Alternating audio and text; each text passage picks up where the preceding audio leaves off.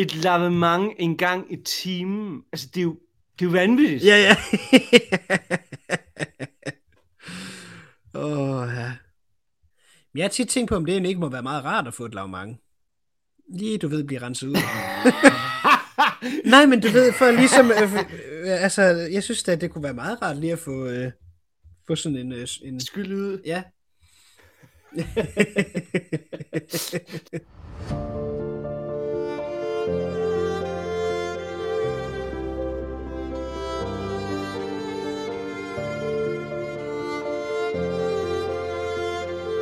Ærede stamgæster fra kælder til kvist. Velkommen til Matador Mix, eller rettere Remix.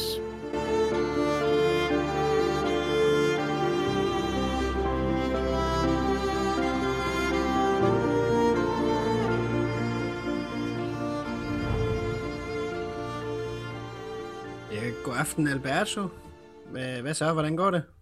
God aften her Vilde. Jamen det går glimrende. Vi er jo vel tilbage efter vores tur på Brambjerg Højskole, og jeg synes at næsten, vi lige skal runde det til kunst. Jeg synes, det var en fantastisk øh, tur, og øh, deltagerne i år og sidste år, men i år også, øh, var virkelig hyggelige og fantastiske, og vi havde jo det held at kunne bo der øh, en hel uge, så vi kom virkelig øh, i dybden med emnerne. Ja, det må man sige. Det var fantastiske, fantastiske mennesker, og det var en fantastisk uge simpelthen. Altså, vi, øh, vi, havde, det, vi havde det simpelthen så sjovt. det, ja, vi grinte halvdelen af tiden. Det var helt vildt. Ja, ja. Hold da op. Fuldstændig. Og deltagerne var Ja, ja. også virkelig gode til at grine med, og til at altså, se det hele fra, det, fra, den, fra den, den, den sjove side. Ja, ja, bestemt. Og især under festmiddagen, der var der godt nok, øh, øh, der var der gang i den. Det var, så det var i det hele taget en, øh, en virkelig vellykket uge, synes jeg. Ja, helt Jeg må enig. sige, at øh, jeg blev jo godt nok, øh, jeg blev jo godt nok lidt, lidt øh, småsyg der om tirsdagen. Øh, så det var faktisk også meget rart, at vi havde hver vores værelse i år, fordi så kunne jeg lige øh, bruge noget af tiden på at ligge der og, og sunde mig. Men ved du hvad, jeg har faktisk været syg øh, stort set lige siden, så ja, det, det har været svært at komme over det. Ja, det er noget værre noget.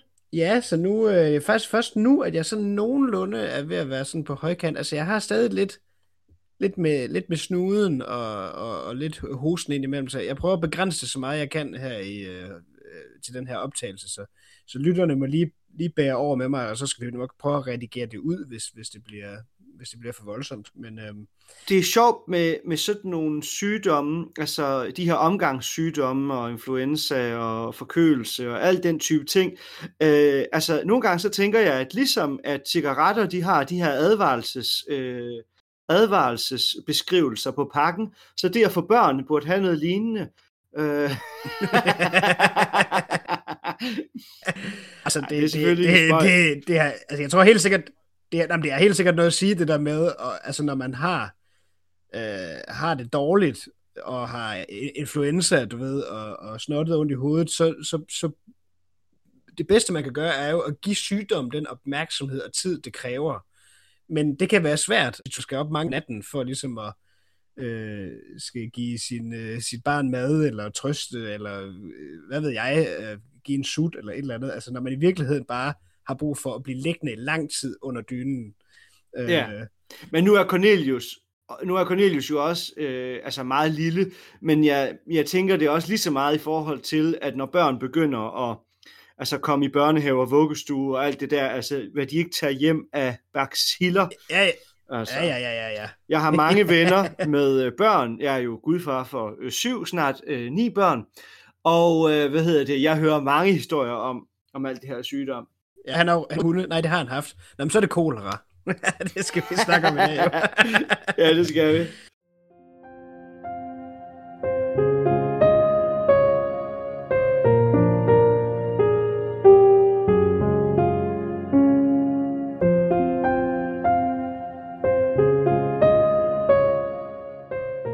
I dag, der skal vi jo tale om sæson 5 i Hus Christianshavn, og øh, det første afsnit, vi skal tale om, hedder Troldmandens Lærlinge. Og øh, Emma, hun øh, kommer altså i problemer, fordi både skattevæsenet og tolvvæsenet er efter hende.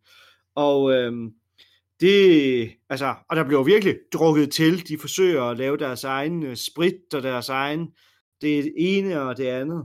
Det, det, er sådan lidt en sjov start, ikke? Fordi det er rigtig nok, der, der, der bliver ligesom etableret den her konflikt, øh, fordi hun får besøg af 12 så er hun så nødt til at sætte prisen på bajer op med 50 øre, og ligesom fjerne det privilegium, der ellers har været blandt de her stamgæster, nemlig at kunne købe på klods.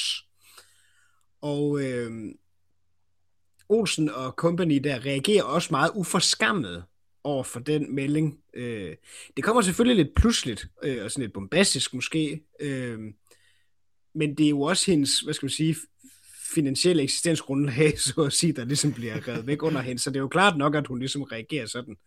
Og så må man jo bare sige, at øh, hendes, hvad skal man sige, karakteristik af Olsen er jo øh, næsten øh, noget af det sandeste, der er sagt, ikke? Øh, fordi hun kalder ham et, øh, et stort gavehoved, der sidder på sin flade røv og kan ordne hele verdens situation, og ikke en skid kan han ordne. Det, det, det er jo meget rammende, kan man sige. Ja, det er det. Vi har faktisk selv karakteriseret ham på den måde tidligere jo. Ja, ja. Og så kan jeg godt lide mig. Ja, Emma, jeg synes nok, du inseminerer. du ville. Men inflation, ja, ja. det er jo noget, der rammer også i disse tider, men øhm, hvad koster en bar, øh, undskyld, hvad koster en øl i den filosofiske fredagsbar på Aarhus Universitet, Niels? Jamen, den koster, øh, det kommer lidt an på, hvad for en man skal have, hvis man, men hvis man gerne vil have en, øh, en Vestfyn, ja, så koster den jo 5 kroner. Ja.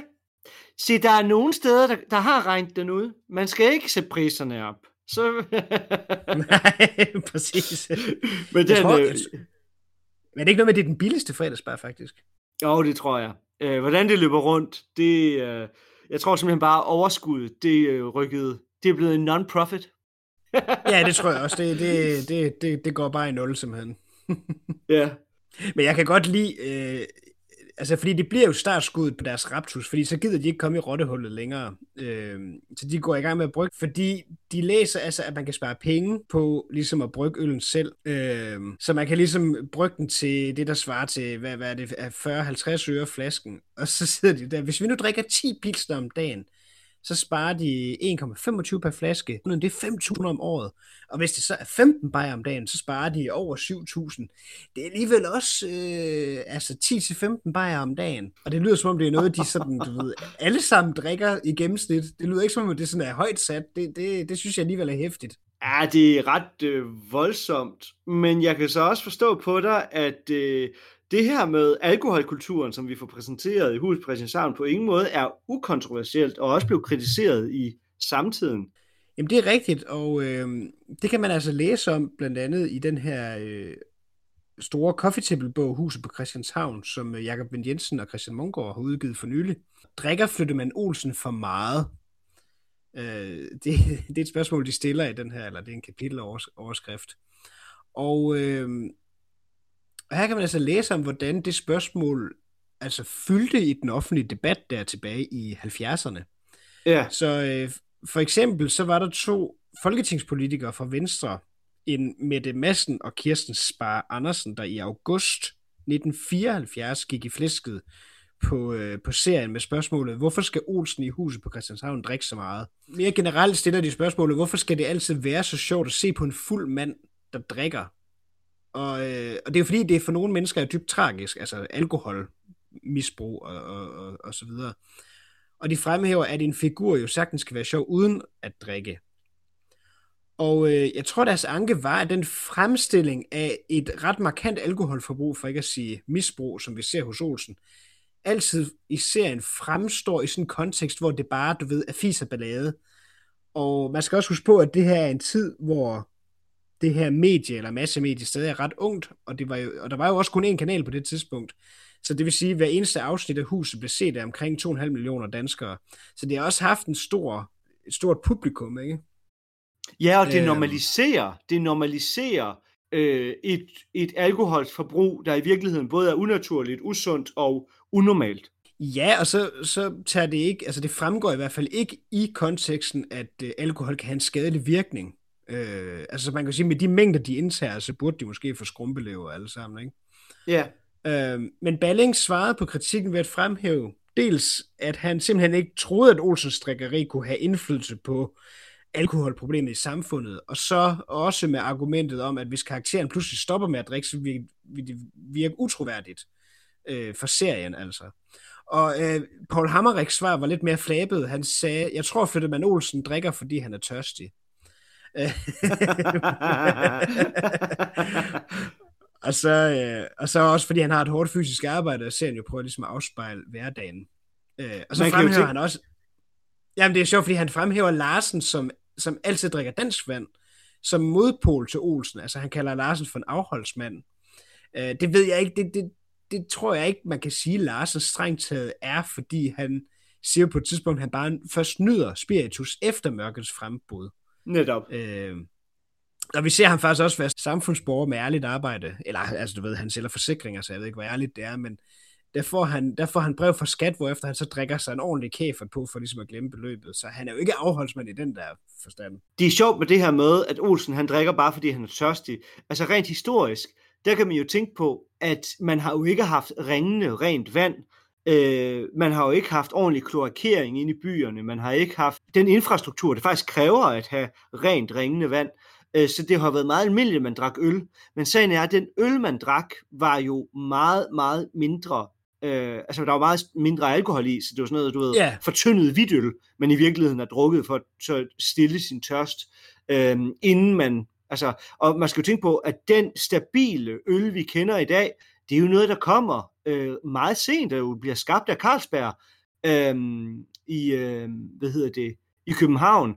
Øh, og det er at have en stabil gæringsproces, så man ligesom kan skabe øl på systematisk vis.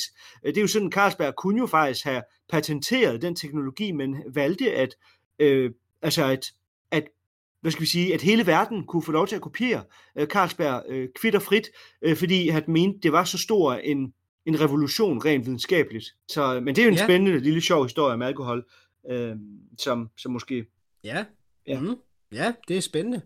Men, men øh, de, de, de skriver nemlig også her, at, øh, og det er også meget interessant, at den alkoholkultur, der er i serien, afspejler også både, øh, hvordan samfundet på den tid har været, fordi man drak mere, og, og så den branche, altså filmbranchen. Fordi på ja. filmholdet, der blev der også drukket tæt fra morgen til aften. Det, det beskriver de, det er meget sjovt, at Balling startede sine morgener med et stykke vin og brød, en kop kaffe og en øl, og så i løbet af sådan en optagedag, der røg der altså både øl og det, der var stærkere ned i rigelige mængder.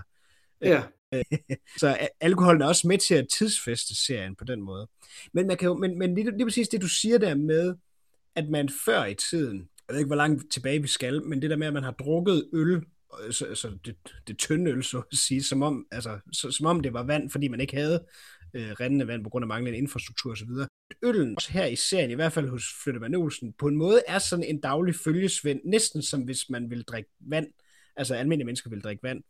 Men det er også noget, som de drikker, når der opstår små problemer. Ikke? Jeg må skulle lige have en bajer. Og så selvfølgelig, når den gode stemning skal frem, ikke?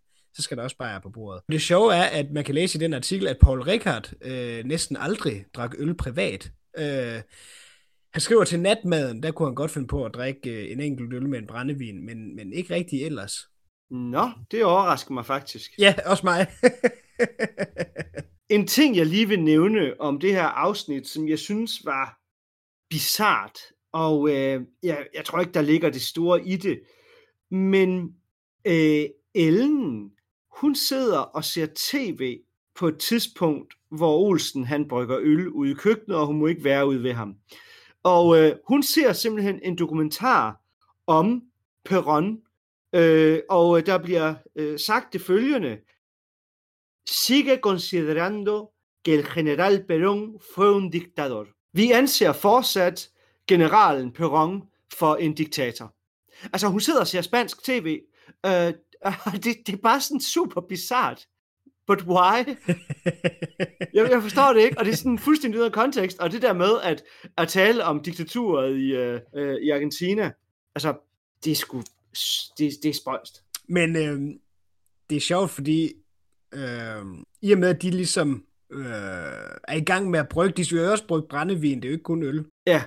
Og øh, det Egon er jo noget, øh, hvad hedder det, utålmodig. Clausen har ellers rimelig godt fat i, i, i, hvad skal man sige, processen, lader det til i hvert fald. Ikke? De har også læst lidt op på det, de har været på biblioteket og låne nogle bøger. Det er jo altså også meget sjovt, der hvor de sidder og, og, og, og læser op i forhold til øh, først den videnskabelige beskrivelse, så er, og så kommer det i daglig tale, en vandklar aromatisk skarpsmagende væske.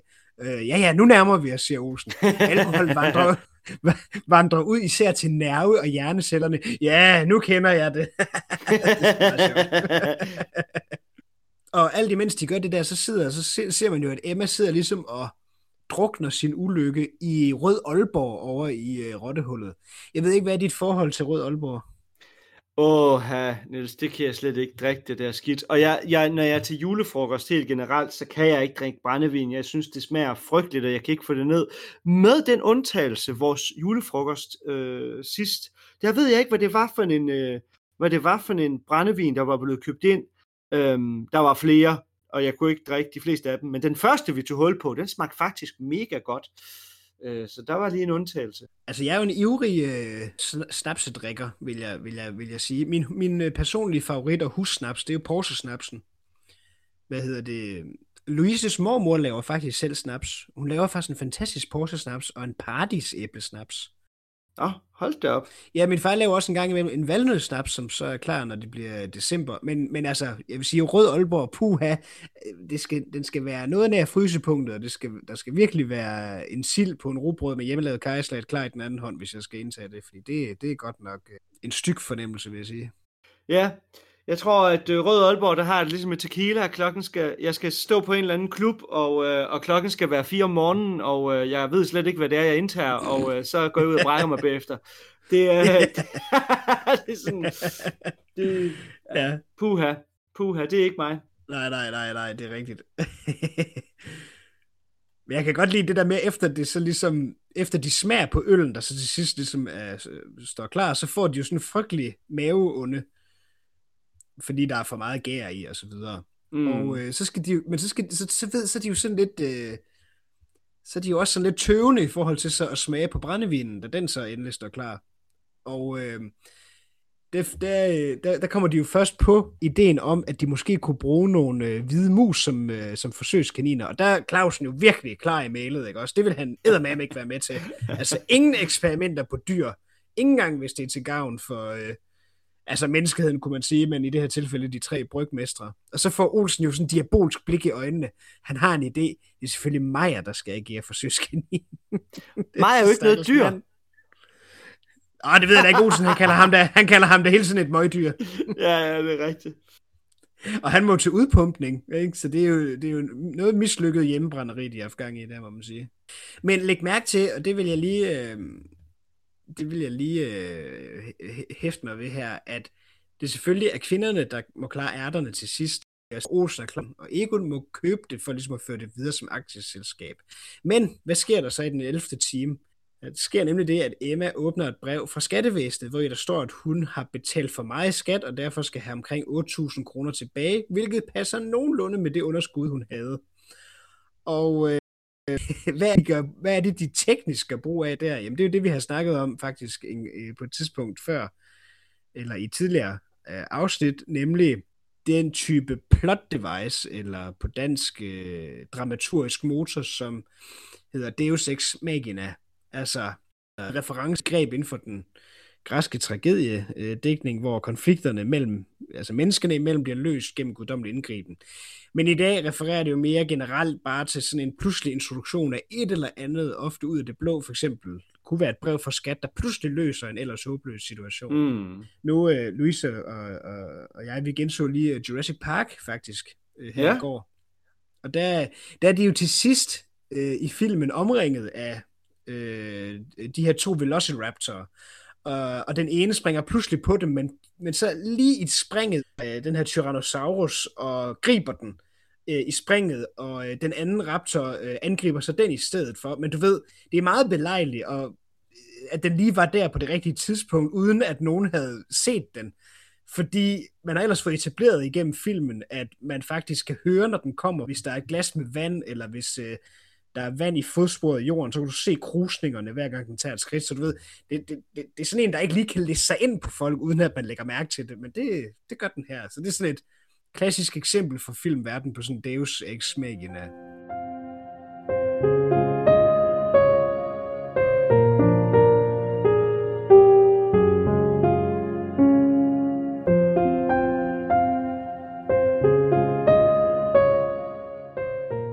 Og så er der afsnittet God Bedring, hvis ikke du har mere til... Øh, nej, det har jeg ikke.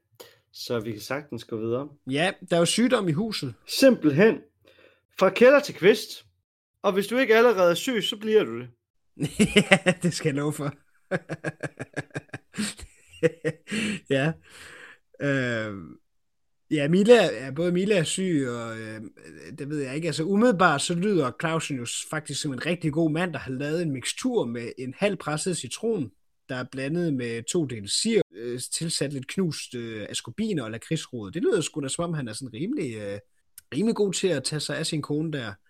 Men øh, det, det, skal, det skal hurtigt ændre sig. Ja, fordi og, tænk nu, øhm, hvis dyrene de bliver syge. Ja, ja, præcis. Det der med, at hun, øh, hun øh, har været musikken og hente den, eller hvad det er. Så, så, hvad fanden har du udsat alle dyrene for smitte? Og så tager han det, han lige har blandet op til Mille, og så, så, så går han ned til dyrene i stedet for. Øh, det er også meget sjovt der med, at Ellen pylder sådan om William, han har 38-2, og Olsen synes, det er noget værre pjat. Da han var dreng, begyndte de først at tælle for 40. og det er jo sjovt, fordi Olsen, Olsen blev fremstillet som latterlig med de her kommentarer, men det synes jeg på en måde også, at Ellen gør, fordi William må ikke engang gå ud på toilettet. Gå nu ind i seng, så skal jeg komme med en potte. Og Olsen, hvad fanden skal hun nu også pisse for ham? Altså du ved, ja. de, de er begge to på en eller anden måde latterlige i den her scene her. Jamen jeg synes, men jeg synes også, at Olsen er jo også utrolig urimelig. Han er jo faktisk også som et barn. Han kræver bare mad, øh, men Ellen er jo, øh, Ellen er jo for sløj, ikke? Jamen det er hun. Det jeg synes, der er sjovt ved det her afsnit, øh, der er flere ting i det. En af de ting, jeg synes, der er sjovt, det er, at øhm, det afspejler nogle af de problematikker, som vi ser øh, i medicinen i dag. Øh, det er sådan, jeg har undervist i medicinsk filosofi, så på den måde, så har jeg jo, øh, så er der jo mange ting, jeg kunne tale om. Men en af de ting, jeg bare lige vil tage op, det er, at vi lever i en tidsalder, hvor at læger ikke længere har øh, de sidste ord eller at øh, læger har ikke længere, hvad skal vi sige, den ultimative autoritet. Så i gamle dage, der hvad lægen siger, er sådan det er, punktum. Det er overlægen, der siger, at det er sådan og sådan det forholder sig, så retter vi alle sammen til. Det kaldte man den medicinske hegemoni. Altså en hegemon er jo en, som bestemmer, uden at man kan stille spørgsmålstegn ved øh, hegemonien. Øhm, og der har vi simpelthen haft en periode fra slutningen af 1800-tallet og så op til omkring øh, 1980'erne, hvor lægerne har haft en hegemonisk rolle. Og det vi ser, det er øh, et skred. Man kalder det for en epistemisk udfordring. Og det man mener med det, det er episteme, det er det gamle græske ord for viden. Og det er, at der er en vidensudfordring, der er en vidensforskydning. Fordi pludselig, hvad kan du gøre i dag? Du kan gå på netdoktor. Du kan afsøge øh, din diagnose, du kan afsøge dine symptomer, du kan afsøge behandlingsformer, du kan sammenligne øh, din læges anbefalinger med, hvad andre læger på nettet siger. Øh, du kan opsøge en second opinion.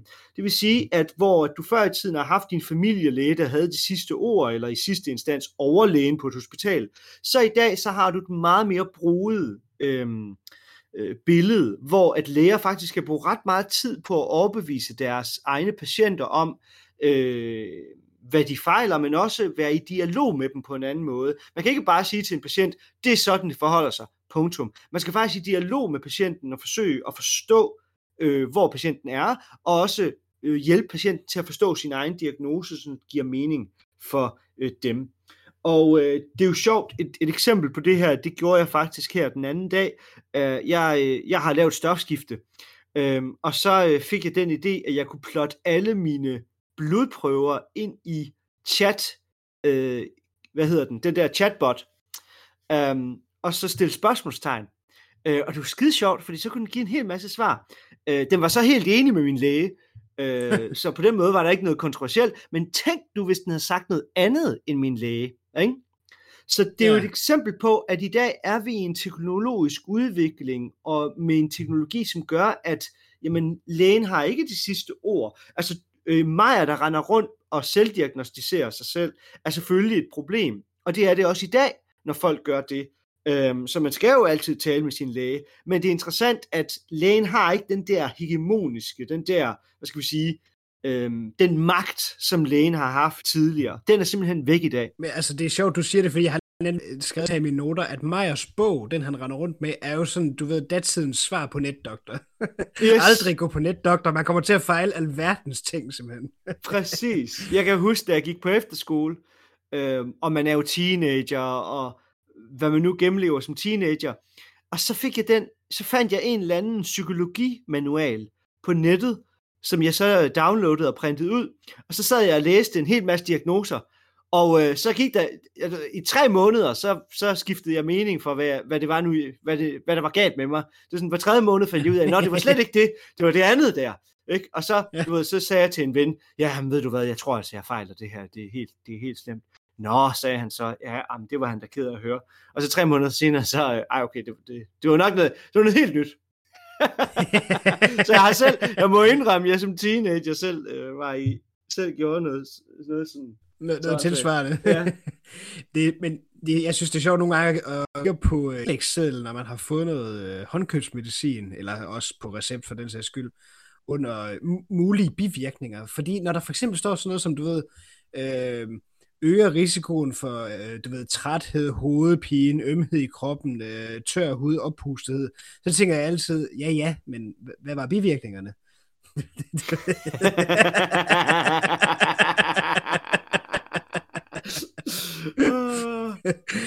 men, men der er noget Du skal bare blive over... veganer. ja, ja. men, men, der, men der er jo lidt en blanding, fordi selvom Meyer han går rundt og, og diagnostiserer alle, så har han jo stadigvæk en ret kraftig autoritet. Øh, altså Dr. Berg. Ja. Altså det, det, Meyer er jo meget autoritetstro. Og, øhm, og det er jo, men det er også lidt sjovt det der med, fordi det, det virker også til, at Meyer rigtig gerne vil fejle noget, og især gerne vil fejle noget interessant. Ja. Og øh, kan du huske, der er der et afsnit, hvor Oberst Hagel er op ved øh, Dr. Hansen, altså op ved selve lægepraksisen der. Ja, det er rigtigt. Og han bliver ved med at fable om, du ved, jamen altså, du ved, der, der er noget med øjnene, hvor han så siger, så kniv det med at se små genstande. Hvad mener de med det? Og så er der, jamen, der er sgu også noget med, at det, det klemmer de, de skal have nogle mere bredskaftede ridestøvler. Og så konkluderer Dr. Hansen jo, at Oberst Hackel forventer af hans læge og hans videnskab, at han skal omskrive dagliglivets trivialiteter til spændende sygdomme med latinske navne. Og hvad betyder det så? Det betyder i at de trænger til at blive mundret lidt op. så det er bare fordi, han keder sig, du ved. ja. Ja, det er sådan det, det, det er den association, jeg fik med Maja, der også, du ved, åh, jeg har fejlet mange spændende ting, kan jeg godt fortælle jer. Det er sådan lidt, nå, okay, ja, ja. og det er jo, altså, det er jo også spændende at stille det spørgsmål, hvilket man jo også har gjort. Altså, hvad er en sygdom? Altså, hvad vil det sige at fejle noget? Og øhm, det mest umiddelbare svar, man kan give, det vil jo for eksempel være at sige, jamen, mm, hvis du fejler noget, så er det fordi, at der er noget i kroppen, der er i stykker. Altså sådan rent biomedicinsk, fysiologisk. Yeah. Så for eksempel, du har brækket en arm. Ikke? Om du har brækket en arm, så er det meget tydeligt, der er noget galt, ikke? og så kan vi så øh, sætte den i gips, og så videre, så videre. Men sagen er, ikke alle sygdomme kan identificeres så klart. Og øh, når man taler om sygdomsbegreber, så taler man faktisk typisk om i hvert fald tre kategoriseringer af sygdomme, eller rettere sagt, man taler om tre kriterier, hvorunder man kan tale om sygdomme. Øh, og så skal mm. de helst alle tre være opfyldt, før at, sådan, at vi alle sammen er enige om, det er en sygdom. Så for det første, så øh, skal vi rent objektivt kunne måle og veje en eller anden dysfunktion. Øh, for det andet, så skal personen selv opleve, at de øh, mener, at der er noget galt med dem. Og for det tredje, så skal samfundet også allokere ressourcer og anerkende øh, det som en sygdom. Og øh, hvad kunne det så være? Det kunne fx være en brækket arm. Det gør ondt i armen. Vi, øh, du kan komme til læge og få, øh, og få en, øh, en gipse-ting på, og lægen øh, kan se det, måle det og ved, hvordan han skal behandle det. Så det er meget, det er meget simpelt. Men øh, problemet er, at der er masser af eksempler på sygdomme, som for eksempel de psykiske. Øh, jamen, der kan være psykiske sygdomme, hvor vi kan hvor personen kan rapportere, at de lider af noget, men vi kan ikke måle og veje det. Vi kan ikke, der er ikke noget objektivt at se. Vi kan ikke åbne hjernen og så se, nej, det er der, øh, sygdommen ligger. Altså, vi kan egentlig kun tage bestik af, hvad folk siger, øh, og så derudfra arbejde med sygdommen. Ja. Det kan også være, at det er en ren variation. Så for eksempel øh, for højt blodtryk behøver ikke nødvendigvis at være sygeligt. Eller øh, der er flere af sådan nogle eksempler på, jamen hvis du ligger ud for en normal, øh, en normal skala, så behøver det egentlig ikke at være, være øh, sygeligt. Øh, så der, man kan ligesom tage det, og øh, øh, problemet er, at, at hvis en sygdom, eller hvis noget, der ligner en sygdom, kun lever op til en af de her kriterier, så kan det altså gå galt. Et eksempel, det er draputhumani, hvis jeg husker at udtale det rigtigt, som er øh, den frygtelige sygdom, at øh, slaver de øh, simpelthen får, når de flygter så bliver de simpelthen ramt af sådan en frygtelig sygdom, hvor de får sådan en trang til at flygte op mod nordstaterne. Det er helt forståeligt. Og øh, det er jo simpelthen en, øh, øh, simpelthen en historisk diagnose, som man kunne få. Og det er jo når kun samfundskriteriet gælder. ikke. Den, den sorte slave ja. oplever ikke, at vedkommende er syg. Vedkommende flygter, fordi at vedkommende er slave, og ikke ønsker at være slave. Og rent ja. fysiologisk, eller biokemisk kan vi overhovedet ikke pege på noget i kroppen, men samfundet har ligesom skabt den her sygdom, at jamen, det er fordi du er syg, at du flygter. Øh, så hvis der kun er et af kriterierne, der er opfyldt, så er det ikke helt sikkert, at vi kan tale om en sygdom. Det vil sige, at for at vi egentlig kan tale om en, et, en, en sygdom, der er fuldt anerkendt, øh, jamen så skal den kunne måles og vejes, den skal kunne, den skal være oplevet af den person, der lider af den, og samfundet skal anerkende den. Nogle gange, så er der også sygdomme, som vi anerkender, på trods af, at vi ikke kan måle og veje den. For eksempel sådan noget som kronisk træthedssyndrom. Det er jo noget, som ikke var anerkendt som sygdom tidligere, som så er blevet det i dag. Og øh, det er jo et eksempel på en, hvor det er samfundet, der allokerer ressourcer til det, og hvor personerne rapporterer at være det. Men lægerne kan simpelthen ikke finde ud af, hvad i alverden der, der er på spil. Vi kan ikke se, hverken biokemisk eller fysiologisk, at der skulle være noget galt med de personer. Øhm, men der er jo ikke nogen, der er jo ikke nogen tvivl om, at de, altså, at de ikke de er jo ramt af, af en konstant, voldsom træthed, så de kan ikke øh, lave noget. Det lyder som noget, øh, jeg godt kunne lide af, vil jeg sige. så øhm, ja, og man kunne selvfølgelig ja, ja. tale meget længere om sygdomsbegreber, men, men det, er, det er et spændende felt, øh, hvad det egentlig vil sige at være syg. Ja. Og øh, så kunne man også stille spørgsmål, hvad vil det overhovedet sige at være sund? Men øh, det må vi vente til øh, et afsnit, hvor de øh, alle sammen er gået i fitnessklasser øh, eller sådan noget. Ja, ja, ja. ja jeg hælder lige noget mere kaffe op. hvad skal det sige? Nå, men... For at annoncere, øh, det var en lille øh, drøbende lyd, så var det bare kaffen. Nej, men jeg skal lige, vi skal lige hurtigt øh, ja. øh, igennem, øh, hvad skal man sige, sygeliggørelsen, fordi at øh, de havner jo i rottehullet, fordi at Ellen er for syg til at lave mad, så Olsen laver faktisk hakkebøffer over i rottehullet i hjemmes køkken. Ja, Ellen skal sandelig ikke nyde, nyde godt af, af hans madlavning, og slet ikke William. nej, nej, nej, den, tager han, den tager han bare med sig derovre. Ja.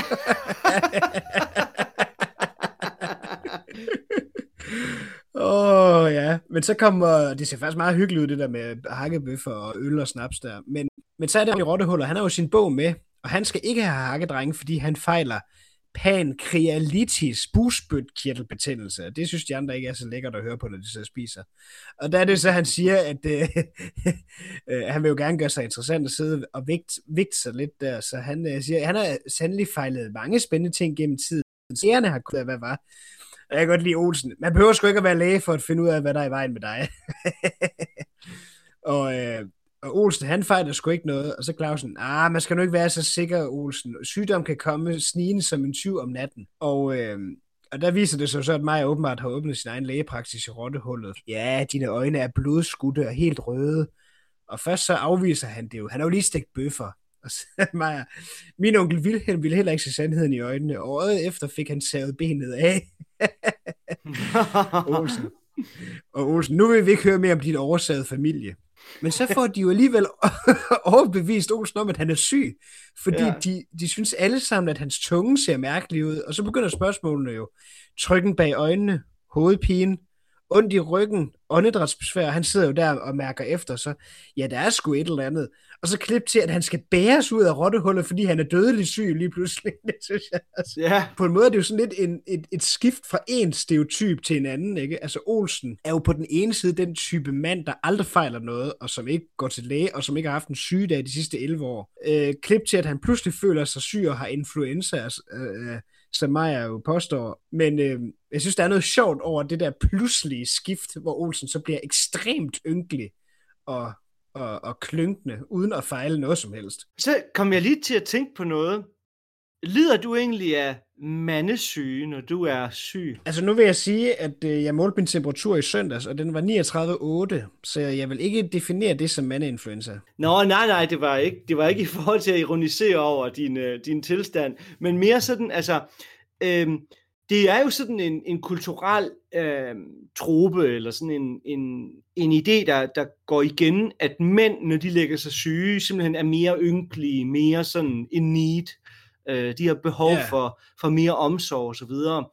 Øhm, jeg ved ikke, altså, det, jeg, tror, jeg tror mere, det er sådan ja, en kulturel, øh, hvad hedder sådan noget, ja, myte, end, end det er sandt, men øh, Ja omvendt, altså, jeg kender nogle mænd, der, der lægger sig ned, når de lægger sig. Mm, ja, altså jeg ved ikke om... Jeg, tror, jeg ved ikke, hvis du spørger Louise, hvad hun, hvad hun vil sige. Hun er da joket med det en gang imellem, at jeg nogle gange øh, godt kan have tendenser i den retning der. Men jeg ved ikke, min holdning er jo, at hvis, altså, at hvis, hvis du for eksempel har haft, altså, altså hvis du er 39,8, som jeg havde søndag, så skal man jo også tage det alvorligt. Man kan jo ikke bare lade som ingenting, og så tænke, det går over. Øh, Fordi så var det jo bare længere tid, øh, før du kommer på højkant igen, hvis ikke du ligesom tager det alvorligt. Præcis. Så jeg ved da snart ikke. Altså, jeg synes at man skal, man skal lægge sig, hvis der er grund til at lægge sig. Ja, ja, men skal man så også lige nusses lidt ekstra om? Ja, det synes jeg da, det når, når man er syg, så må man jo godt få pandekager og sådan nogle ting. ja, lad, lad du ja, forresten ja, mærke det er jo til... fordelen. Det er jo fordelen ved at være i et smukt og godt øh, og dybt parforhold som dit. Øh, jeg er jo single, så øh, når jeg er syg, så sidder jeg bare og... Ja, så er der altså ikke nogen, der kommer og hjælper mig. Nej, nej, det er jo det. det, er det. Så jeg ved slet ikke, om jeg, har med, om jeg, kan, om jeg får mandeinfluenzaer. nej, nej, det er jo det. Men du, er, du, kan jo, du kan jo trods alt... Altså, du kan trods alt også ligge derned og, og ligesom øh, tage vare på din sygdom. Du har jo ikke nogen børn, du skal passe. Nå, ja, ja, men øh, jeg vil ikke have noget at blive, jeg vil ikke have noget imod øh, en lille sådan, hvad ved jeg, hovedbundsmassage, øh, at man, du ved, får te- teen serveret, morgenmad serveret. Et lille fodbad gjort klar, måske. Og... Ja, du ved.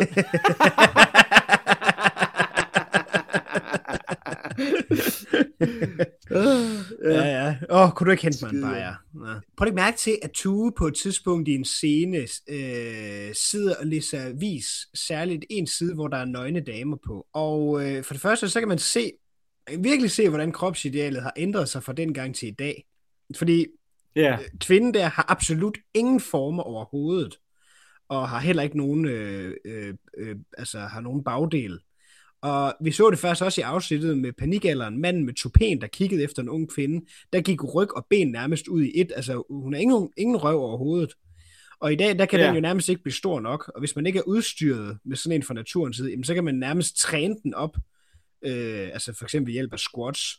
Ja eller så kan man få en, øh, at, at- hedder, det ikke en hedder det ikke en Brazilian butt? Er det, er det ikke jeg tror faktisk, der er folk, der får det opereret, eller, eller... Man kan, man kan, kan man ikke både få implantater, og så kan man også få skudt fedt ind i, og øh, så taget fra et andet sted på kroppen, måske fra maveregionen, og så ligesom skudt ind. Oh det er der God. også nogen, der får gjort. Ja, ja.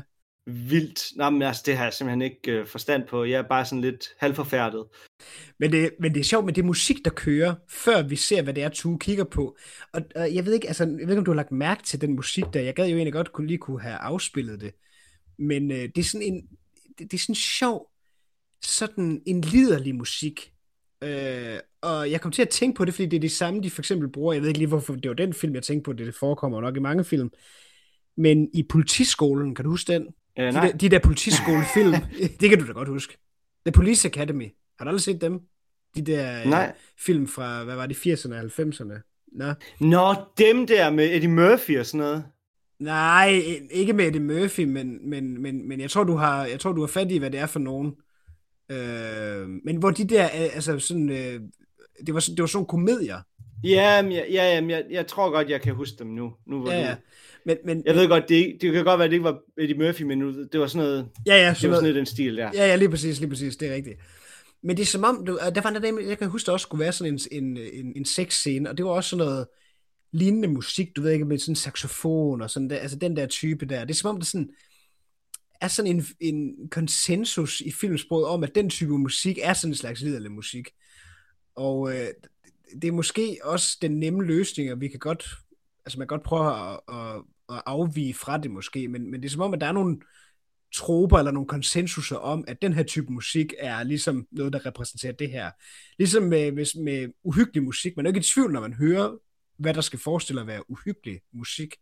Nej, Og, øh, og jeg vil også sige, at nogle gange så kan uhyggelig musik jo også forstærke den uhyggelige situation. Øh, men nogle gange kan det modsatte jo også være tilfældet, at, øh, at musik, der i udgangspunktet ikke er uhyggelig, kan forstærke den uhyggelige øh, situation. Det er det, der hedder kontrapunktisk musik. Det talte vi faktisk også om i forbindelse med klaverafsnittet. Jeg synes, et godt Ja. eksempel kunne for eksempel være i den sammenhæng Ole Bornedals øh, Nattevagten, hvor morderen altid afspiller Lille Lise let på tråd, når han begår et mor. Og isoleret set er det jo bare en fjollet sang, men øh, det er som om, at tonerne af Paul Hagen, der synger øh, den her øh, vise her, forstærker simpelthen uhyggen på billedsiden. ja. Nå, men, men jeg vil lige, vi, vil lige, vi skal lige hurtigt runde øh, Dr. Berg, fordi Olsen opfører sig jo, som om han ligger på sit dødsleje, og det er der jo flere af de andre, der, altså blandt andet også Egon. Og øh, Dr. Berg, han har jo øh, luret, øh, faktisk er det sammen med Emma, at han lurer, hvordan, øh, hvordan han ligesom skal gribe situationen an. Så kuren i forhold til at komme over det her, så det er som om, han ligesom går med på præmissen og anerkender, at folk er øh, næsten dødeligt syge, og den eneste udvej, den eneste måde at blive rask på, det er, du ved, ingen pilsner, øh, ingen tv, ingen radio, og så skal konerne give mændene et lavmang, sådan noget, du ved, øh, øh, en gang i timen eller sådan noget. og det er noget, der kan få, øh, få, få, få mændene raske igen med det samme nærmest.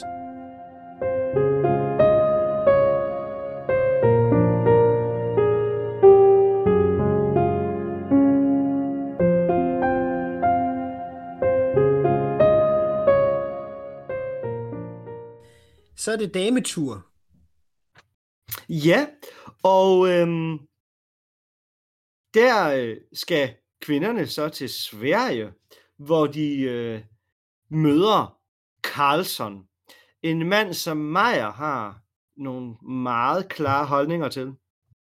Ja, og øh, før vi når så langt, så vil jeg faktisk lige... Øh, der er lige en ting, jeg har bidt mærke i, nemlig i det første, der sker her. Det er, øh, Egon sidder og ser fodbold, og Ja. ryger samtidig.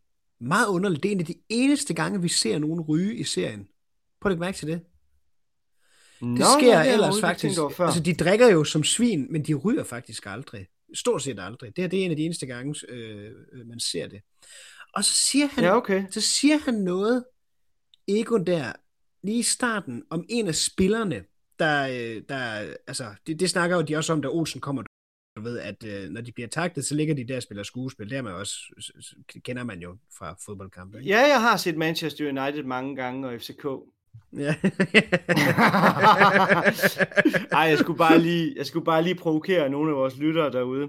øh, der er jo, man kan jo, man kan jo, man er jo velkommen til, som jeg, som jeg har sagt til mine idrætsstuderende mange gange, for jeg har undervist på idræt i videnskabsteori, der har jeg sagt til dem mange gange, at, øh, at øh, for jeg spørger dem, om de går op i fodbold, og hvis der er, en- de, de hæver på nogle klubber, og så siger jeg, at man er velkommen til at støtte en virksomhedsklub, og øh, hvad hedder det, Øhm, og det, så bliver de så glade, og så siger de alle mulige frygtelige klubber. Og så på et eller andet tidspunkt, så siger jeg, ja, men der er jo kun én rigtig klub, og det er jo vi enige om, ikke? Og så er det, du ved, øh, så bliver de sådan helt bange. Og så siger jeg, det er Real Madrid. Og så bliver de endnu mere bange. Øh, og så de to, der har sagt Barca, den kigger jeg sådan lidt på, sådan lidt ondt. Øhm, og så er der bare sådan, du ved, død stemning. Og så begynder jeg at grine helt vildt, og så, du ved, så forløser det sig hele, og så griner vi alle sammen, så kan vi godt se, at det hele var en joke. Og så siger du, øh, nej, jeg driller, jeg driller. Det er jo Randers Freja. Ja, præcis. Ja.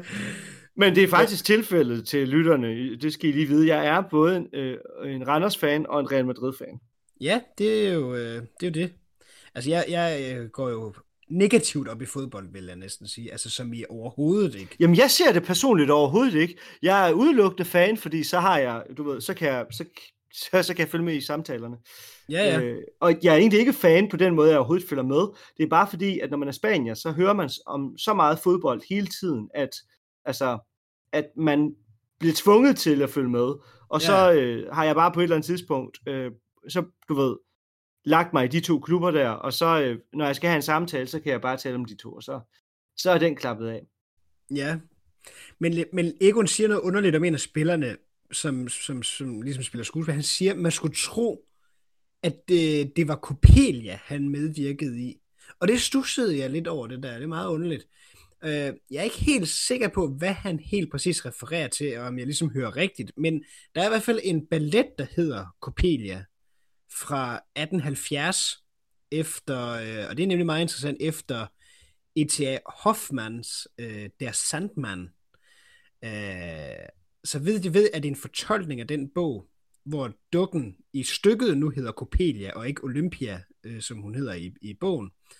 Øhm, Er det den, der lige er blevet filmatiseret af, af Netflix som uh, The Sandman? øh, nej, det tror jeg ikke. Jeg tror, den handler om sådan en drømme, øh, drømmende skud Mor- Mor- Morpheus, øh, øh, som jo også er en karakter i The Matrix. Ja, han er så ikke en gud, men, øh, men navnet går jo igen. Jeg, tror, jeg ved ikke, om den har noget at gøre med, med Hoffmans historie. Jeg, jeg stussede godt over, at titlen var den samme. Det er jo en fantastisk øh, uhyggelig øh, historie. Det er jo faktisk øh, den historie, som, som Freud bruger i sin bog om det uhyggelige. Ja, Das Unheimliche på tysk, som en analyse af den historie om, hvad det uhyggelige er for noget. Øhm, Nå, spændende. Ja, ja, meget, meget spændende. Meget spændende, spændende tekst. Der er meget uhyggelig skikkelse, der er i, i bogen. Sådan en uh, advokat, der hedder Coppelius, med sådan nogle gule stikkende øjne, øh, som er, øh, som er, som, som netop er,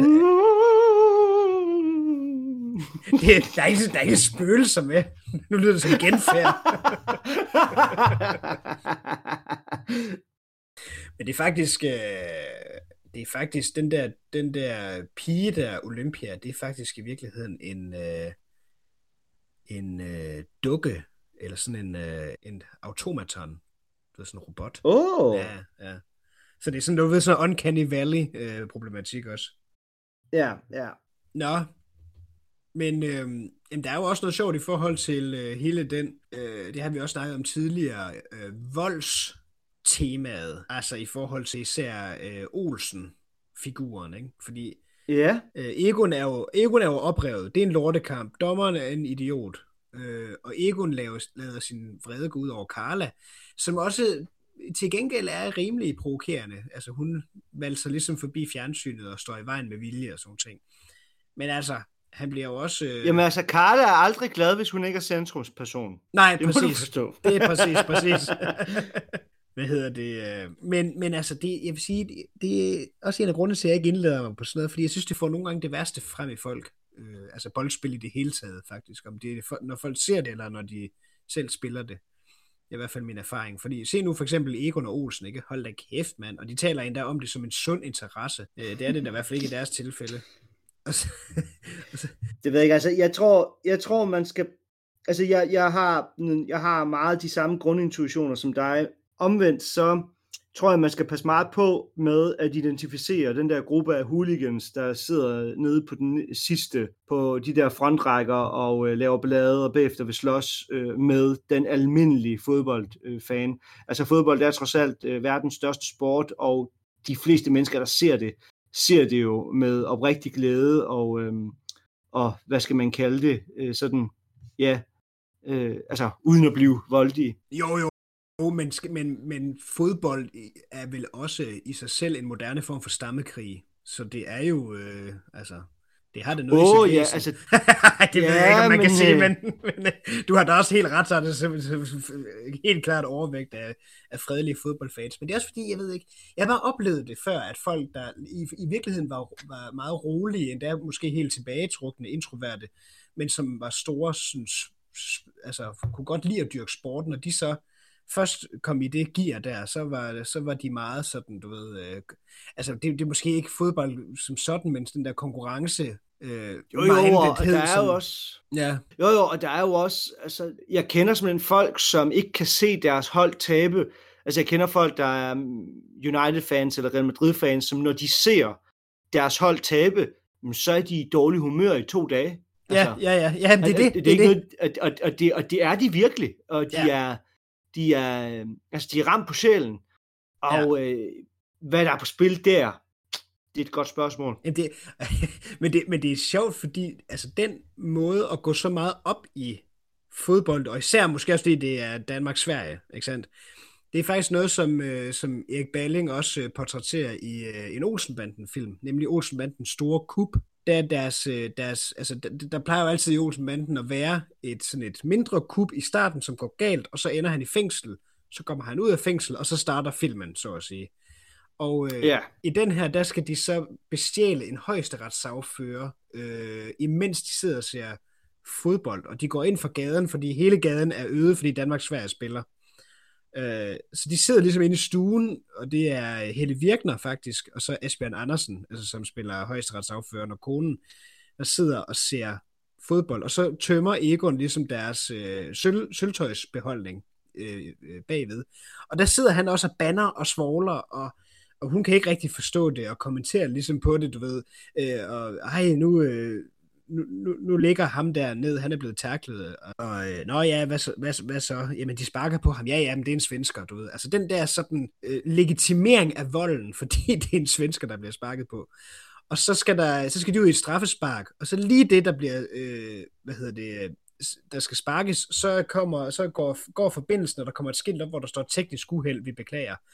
Og der farer manden også op og råber, du ved, nej for satan, for fanden i helvede, jeg ringer sgu det er Gud i himlen, jeg ringer sgu ind. Og så rejser han sig og går ind og ser Egon Olsen og siger, hvad mener de? Det er sgu efterhånden snart for dårligt. Og så, hov, hvad sagde den?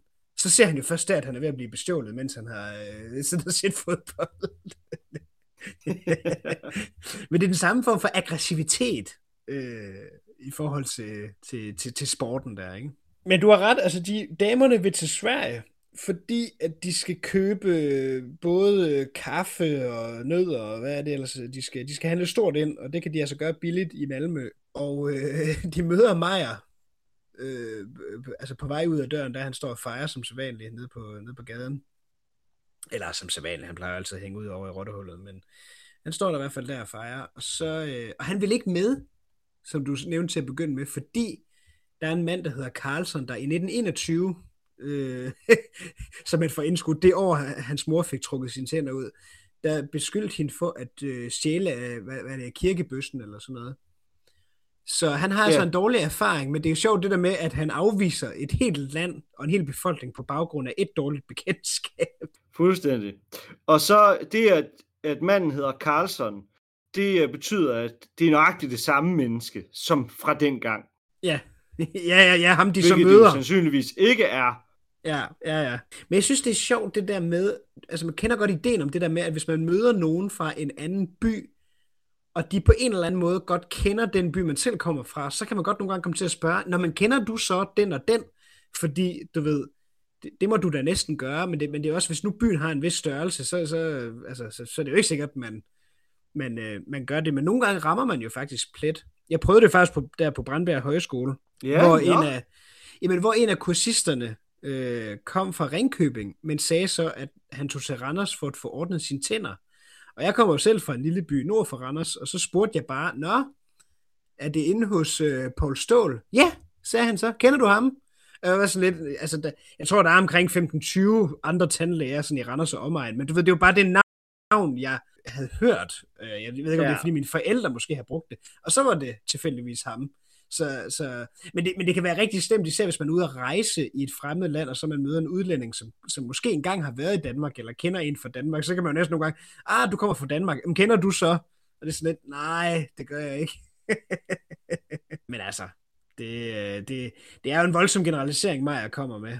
Men det er jo sjovt også det der med, at altså man kender den der, man kender den der figur, hvor man ligesom siger, Nå, men altså, ikke, jeg kan ikke lide svensker, undtagen min nabo, han er god nok. Ja, ja.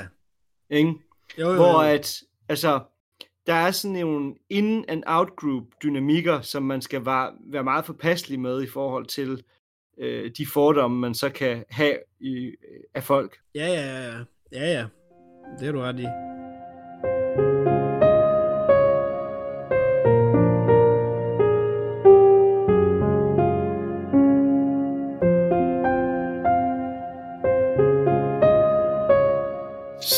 øh, kommer vi til et afsnit, der er skrevet af Johannes Møllehave. Og øh, der er sandelig gang i den øh, på gangen. Tu han øh, har designet et lille psykologisk eksperiment og har overbevist store dele af gangen af opgangen øh, til at tage hash. Øhm, selvom at det så viser sig, at der faktisk ikke var noget hash i kagerne, men de troede, der var det. Og øh, der er så mange temaer, vi kan tage op her. Øh, fordi det er et rigtig sjovt afsnit. Nordøstlig cooling, det blæser på hybriderne. ja, det øh, altså der er jo for eksempel også, hvad skal man sige, øh, det der også bliver en handlingstråd i afsnittet, altså det, det første vi ser, nemlig at Clausen, han drømmer, at han er en abe og hopper rundt i, sø, i søvne. Og Ja. øh, det, det, det bliver jo et tema også i, øh, i afsnittet der. Men jeg synes, der er noget, in- en af de første ting, jeg synes er interessant, det er, at altså Olsen kommer hjem, og øh, for det første så har han fået noget, noget, noget, noget frugt med fra, øh, det er en frugtgrosser, eller hvad det er, han har flyttet for. og så kaster han bavianerne, eller søger bananerne hen til, til William, siger, bananer til bavianen, og cigarer og whisky til farmand.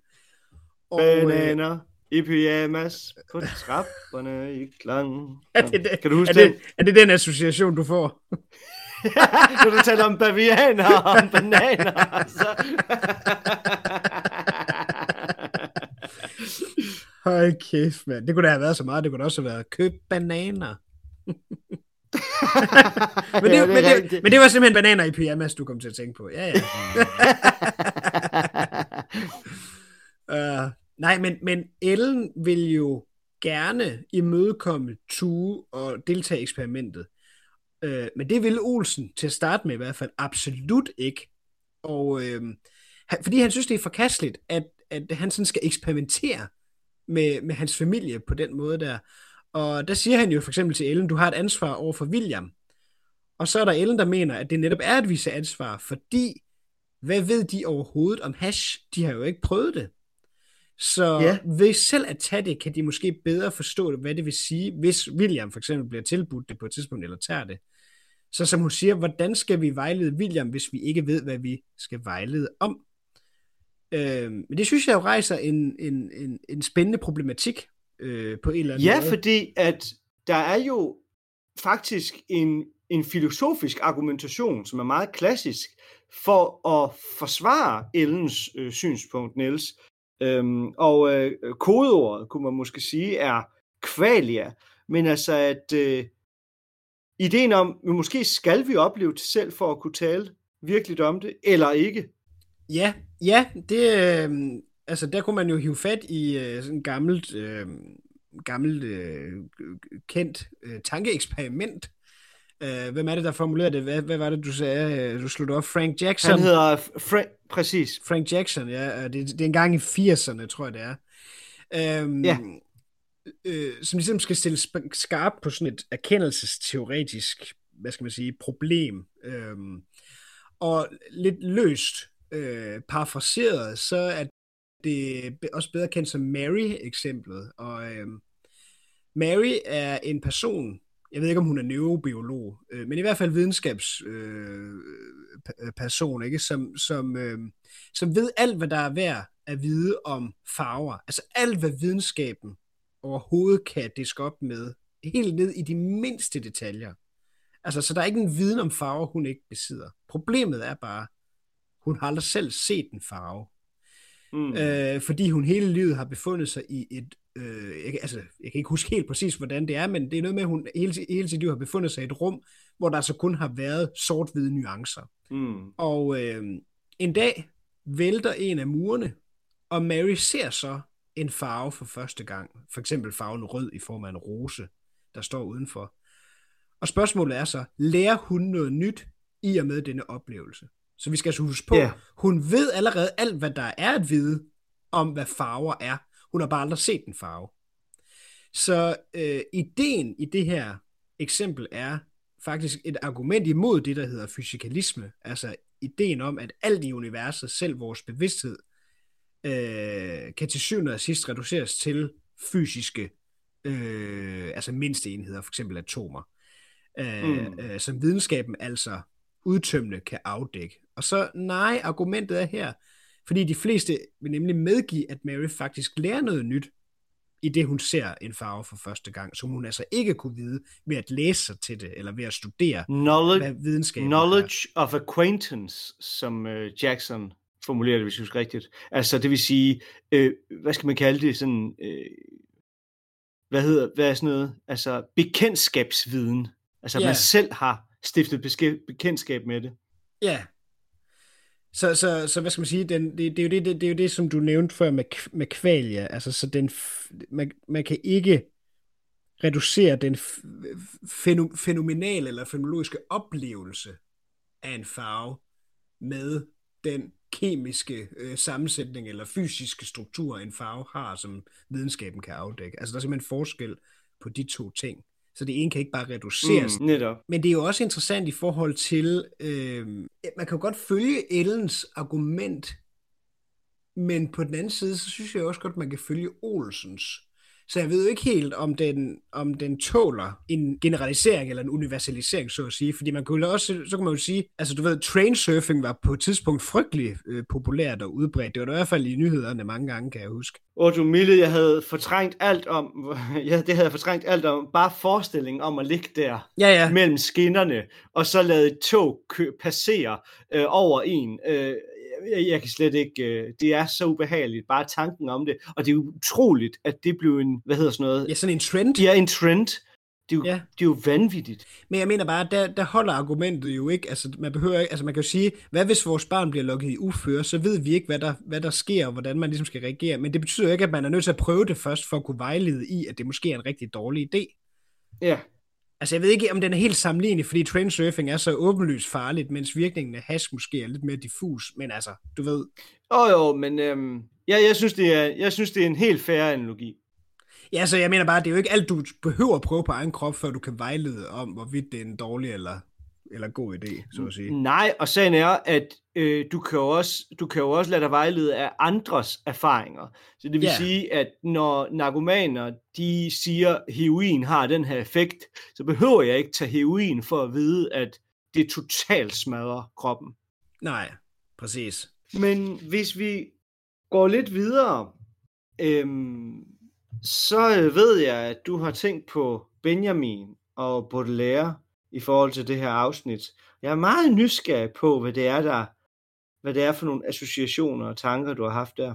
Ja, altså fordi man kan jo sige, øh, altså til at starte med, vil jeg sige, at der er nogle interessante spørgsmål i forbindelse med altså indtagelsen af øh, hash og måske øh, altså stoffer øh, generelt og sådan psykedelika og sådan ting.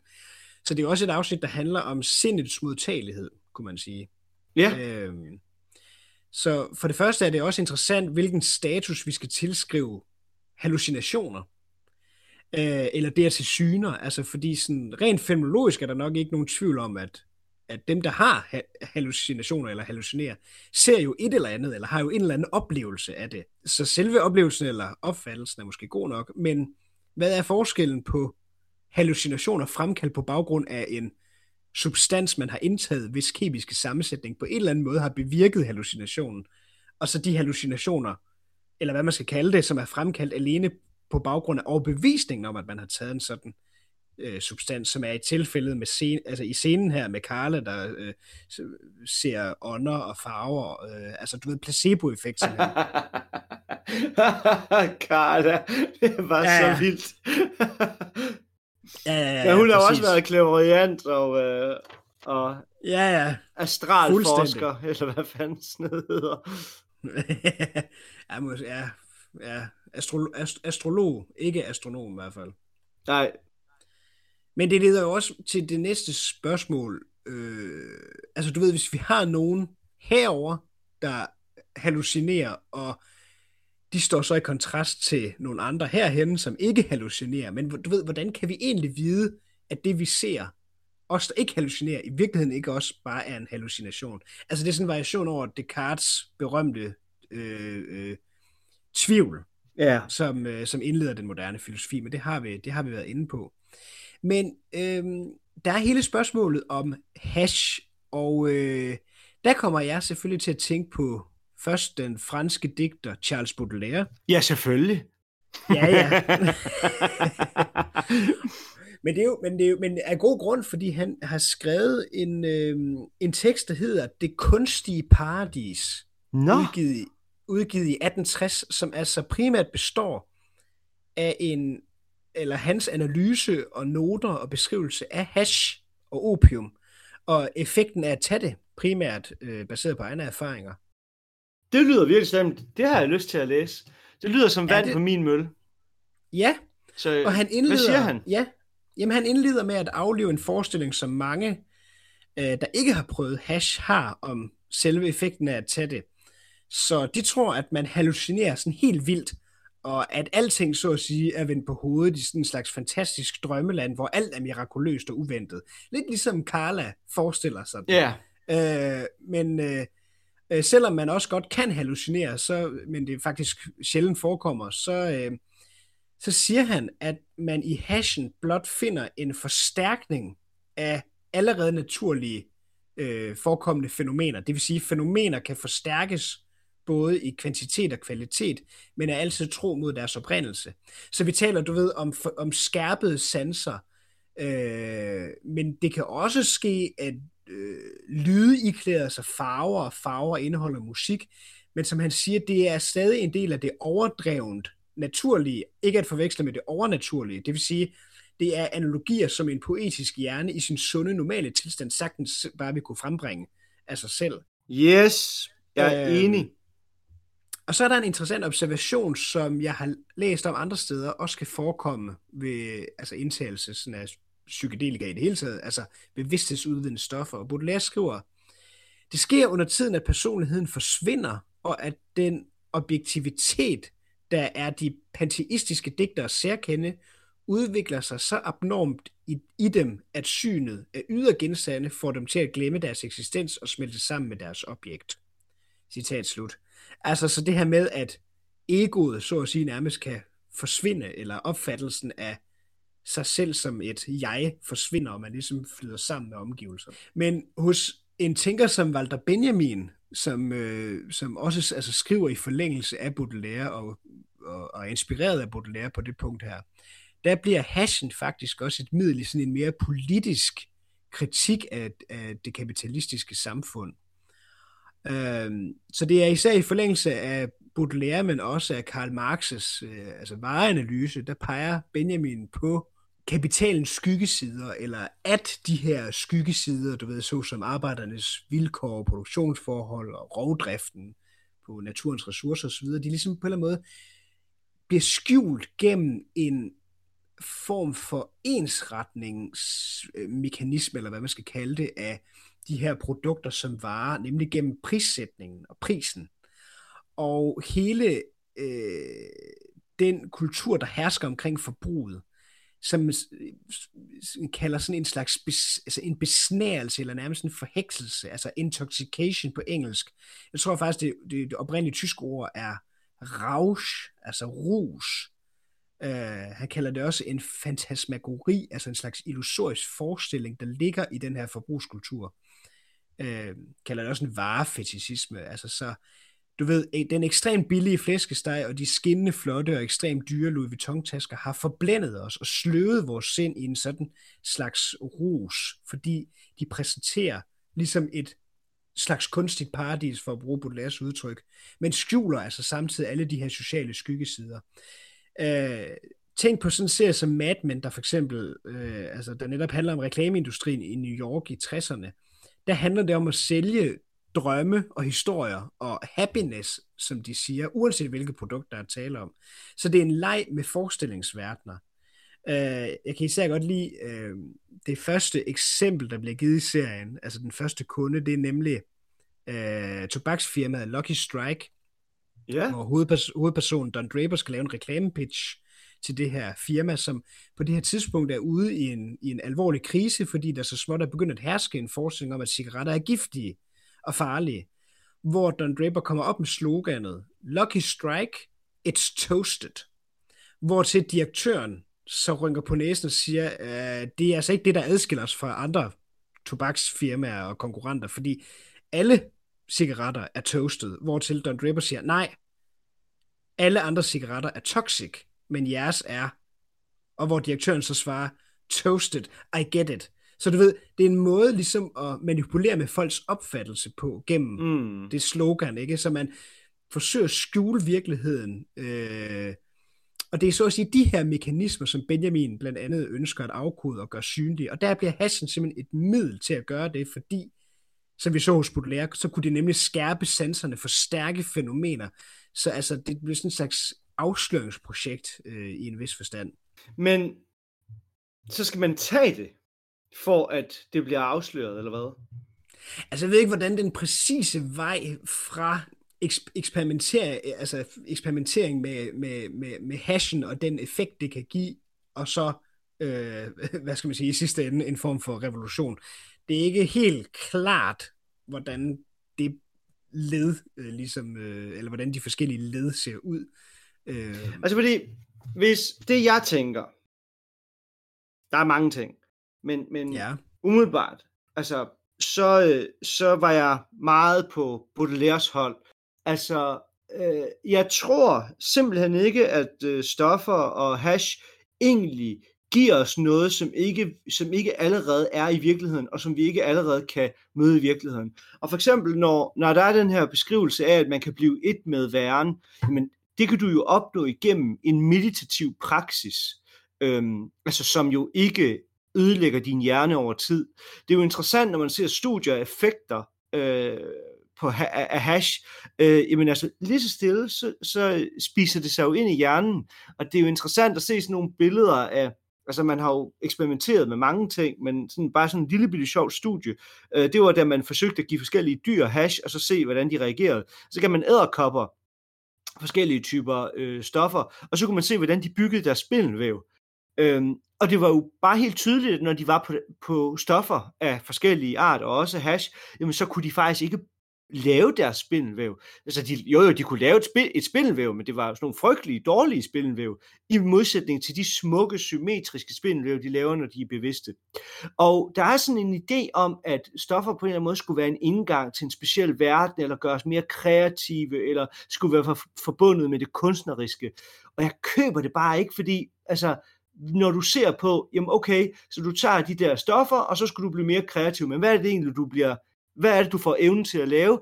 Et dårligt spindelvæv. Hvorimod at de kunstnere, som virkelig bryder, øh, hvad skal man sige, sådan øh, barriererne, øh, Michelangelo eller Raphael eller Caravaggio eller sådan noget, det er mennesker, som i virkeligheden er ret kedelige, fordi at de er rutinepræget.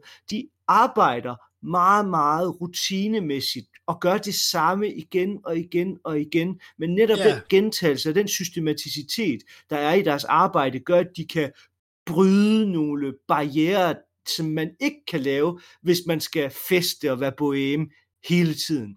Øh, Og jeg siger ikke, at der kan være kunstnere, som, at der ikke er kunstnere, der har taget med stoffer. Det er der. Men jeg køber bare ikke, jeg køber ikke hele den der sådan fortælling om, at stoffer skulle være en indgang til en eller anden speciel verden, eller den der farverige verden. Altså der er jeg virkelig på, på det er derfor, jeg sagde, at da du beskrev Baudelaire, at det lyder som vand på min mølle, fordi at, at øh, jeg simpelthen ikke køber hele den der fortælling om, om stoffer som, som noget unikt, eller som en eller anden spændende adgang til en eller anden utrolig virkelighed.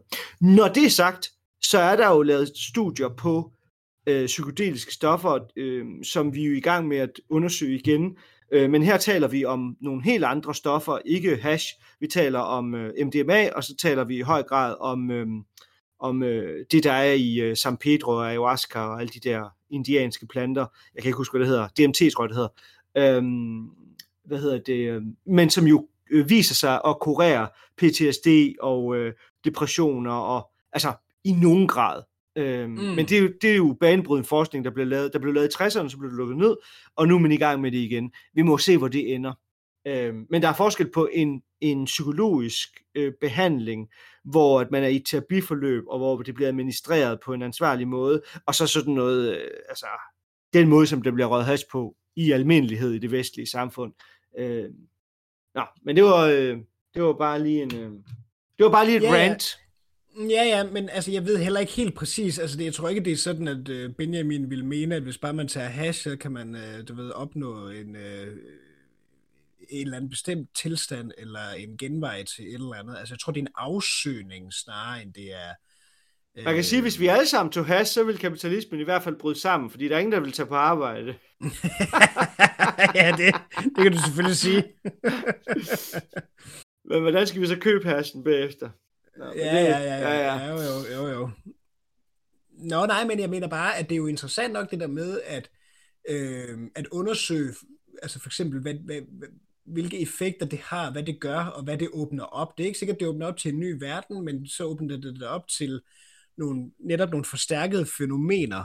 Øh, og det samme kunne man jo netop sige, altså med sådan en som Nietzsche, som jo også kunne advokere for, at der ligger øh, altså, øh, øh, nogle, nogle ting gemt i sådan noget som øh, musikken og dansen og rusen mm. øh, og den slags ting, altså det han kalder det dionysiske, som har mere med yeah. ekstasen at gøre, frem for det apollinske, altså som mere har med de, de, så at sige, de ordnede forhold at gøre, altså for nu at stille det meget skarpt op.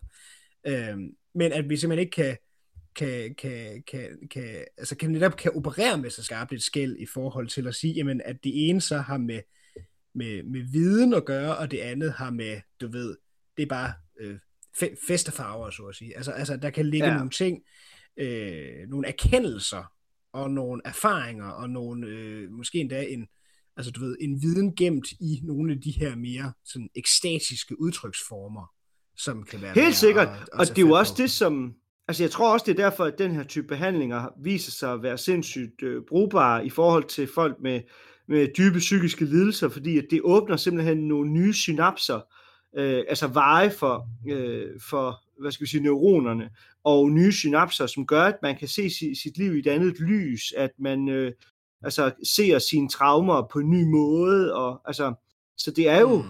altså, vi ved jo ikke, hvor den forskning ender, men altså, øh, man kan ikke, man kan på ingen måde bare afvise den, og øh, alle stoffer er ikke ens, altså, så... Ja, Ja, ja. Hvordan er det, det er, er det Nietzsche, der siger øh, løst øh, formuleret, øh, dem, der blev set danse, blev betragtet som gale af alle dem, der ikke kunne høre musikken. Nej, til sidst her i forbindelse med, med hele stof-temaet, øh, så vil jeg lige nævne den hypotese, der går under navnet The Stoned Ape Hypothesis, som jeg synes øh, var meget sjov fordi at øh, det, det, det, det er et sjov, interessant og nok også kontroversiel hypotese, der går på, øh, at vores forfædre, altså helt tilbage øh, øh, til urtiden, han har sagt, måske netop spiste svampe, og at det kan have været en af årsagerne til fremkomsten og udviklingen af bevidstheden og selvbevidstheden. Øh, så øh, ja, den går godt nok under det her navn, The Stoned Ape Hypothesis, selvom manden bag hypotesen, øh, en fyr ved navn Terence, øh, Terence McKenna, en etnobotaniker, det vil sige en, der studerer forholdet mellem mennesker og planter, og brugen af planter i forskellige kulturer. Ikke selv kaldt hypotesen det her. Øh, men på en måde, så giver det, øh, så giver det god mening, eller det er i hvert fald sjovt at forfølge den tanke, både i forhold til, hvornår i evolutionen hjernen pludselig vokser markant til dobbelt størrelse, sådan i forhold til geografien i det, du ved, var der svampe, mm. og var der mennesker på det her tidspunkt, på det, det samme sted og sådan ting. Uh, og så når man tænker over, at indtagelsen uh, netop kan forstærke det, som allerede er naturligt forekommende, altså så hvis der har været en kim til bevidsthed, så det at tage bevidsthedsudvidende stoffer, kunne måske netop booste, eller netop være måske endda bevidsthedsfremkaldende. Øh, ja. Og ved at forstærke følelsen af empati og mod og så andre skærpede sanser og følelser, så kunne det måske også lede til bedre du ved, lederegenskaber, der kunne forstærke fællesskabet, forstærke gruppedy- gruppedynamikken, og alt sammen noget, der på en eller anden måde giver bedre odds for udvikling, kunne man sige. Så, så ja. altså selv hvis tesen skulle have noget på sig, hvilket altså, det er jo langt fra øh, altså noget, man kan bekræfte eller noget som helst, så, øh, så kan den selvfølgelig heller ikke stå alene, fordi der er jo også andre faktorer, som vil gøre sig gældende. Altså du ved, klimaændringer, der tvinger en ændring i social adfærd, bemestring af ilden, og at man pludselig kan tilberede mad frem for at bruge alle, du ved, kæbekræfterne to tredjedel af, døgn, af døgnet på ja, gumle, gumle og tykke og så videre, og så videre. Men jeg synes bare, at tesen er, er meget sjov, altså, og, og på, på nogle punkter kunne godt give sådan intuitivt mening. Ja, den er meget forståelig. En sjov ting ved øh, det her afsnit er også, at når man laver eksperimenter, øhm, så er der jo simpelthen en etisk problemstilling i, at man nogle gange egentlig ikke vil have, at folk ved, hvad eksperimentet går ud på. Fordi hvis folk ved, hvad det går ud på, så kan det være, at du ikke kan teste det, du gerne vil teste. Men øh, i dag der lever vi jo i et samfund, hvor man skal give samtykke til de ting, man indgår i. Og øh, det her det er jo et eksempel på et sted, hvor der overhovedet ikke er blevet givet samtykke.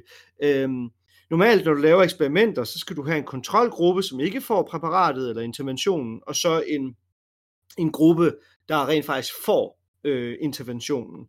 Og i det her tilfælde, så øh, har vi jo, øh, og så, du ved, så vil du så skrive under på, at du gerne vil indgå i et eksperiment, hvor du så tager hash. Og så ved du ikke, om du er i den ene eller den anden gruppe. Øh, kunne være tanken, ikke? Mm. Men her, der er Tue bare, altså, han afslører ikke for sine deltagere, altså eksperimentdeltagere, at øh, det jo faktisk er placebo. Og øh, han afslører ikke, øh, altså, så at sige, han snyder øh, folk i videnskabens navn. Og det er jo sådan lidt sjovt, altså, det er jo noget, man i meget højere grad gjorde, altså, man, videnskaben har øh, i 50'erne og 60'erne og også i 40'erne øh, gjort nogle ting, som man i dag vil betragte som fuldstændig uacceptable. Øhm, og sådan et eksempel, og det her det er jo sådan et lille eksempel på, hvordan det kommer til udtryk. Altså i de dag vil man ikke acceptere, at der ikke er samtykke.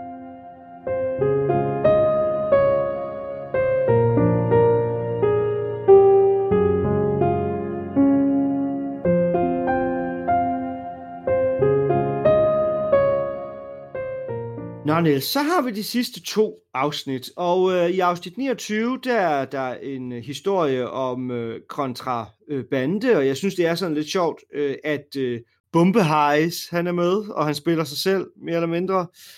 Øhm, Nå, Dynamit High, eller Ja, ja. Hej Fransen, ja. Og øh, en anden ting, det er... han spiller sig selv, ja. Det kan du sige. ja, Øhm, men en anden ting, det er, som undrer mig, det er, at øh, det her er det meget tydeligt i det her afsnit, at Olsen er ikke sin egen chef.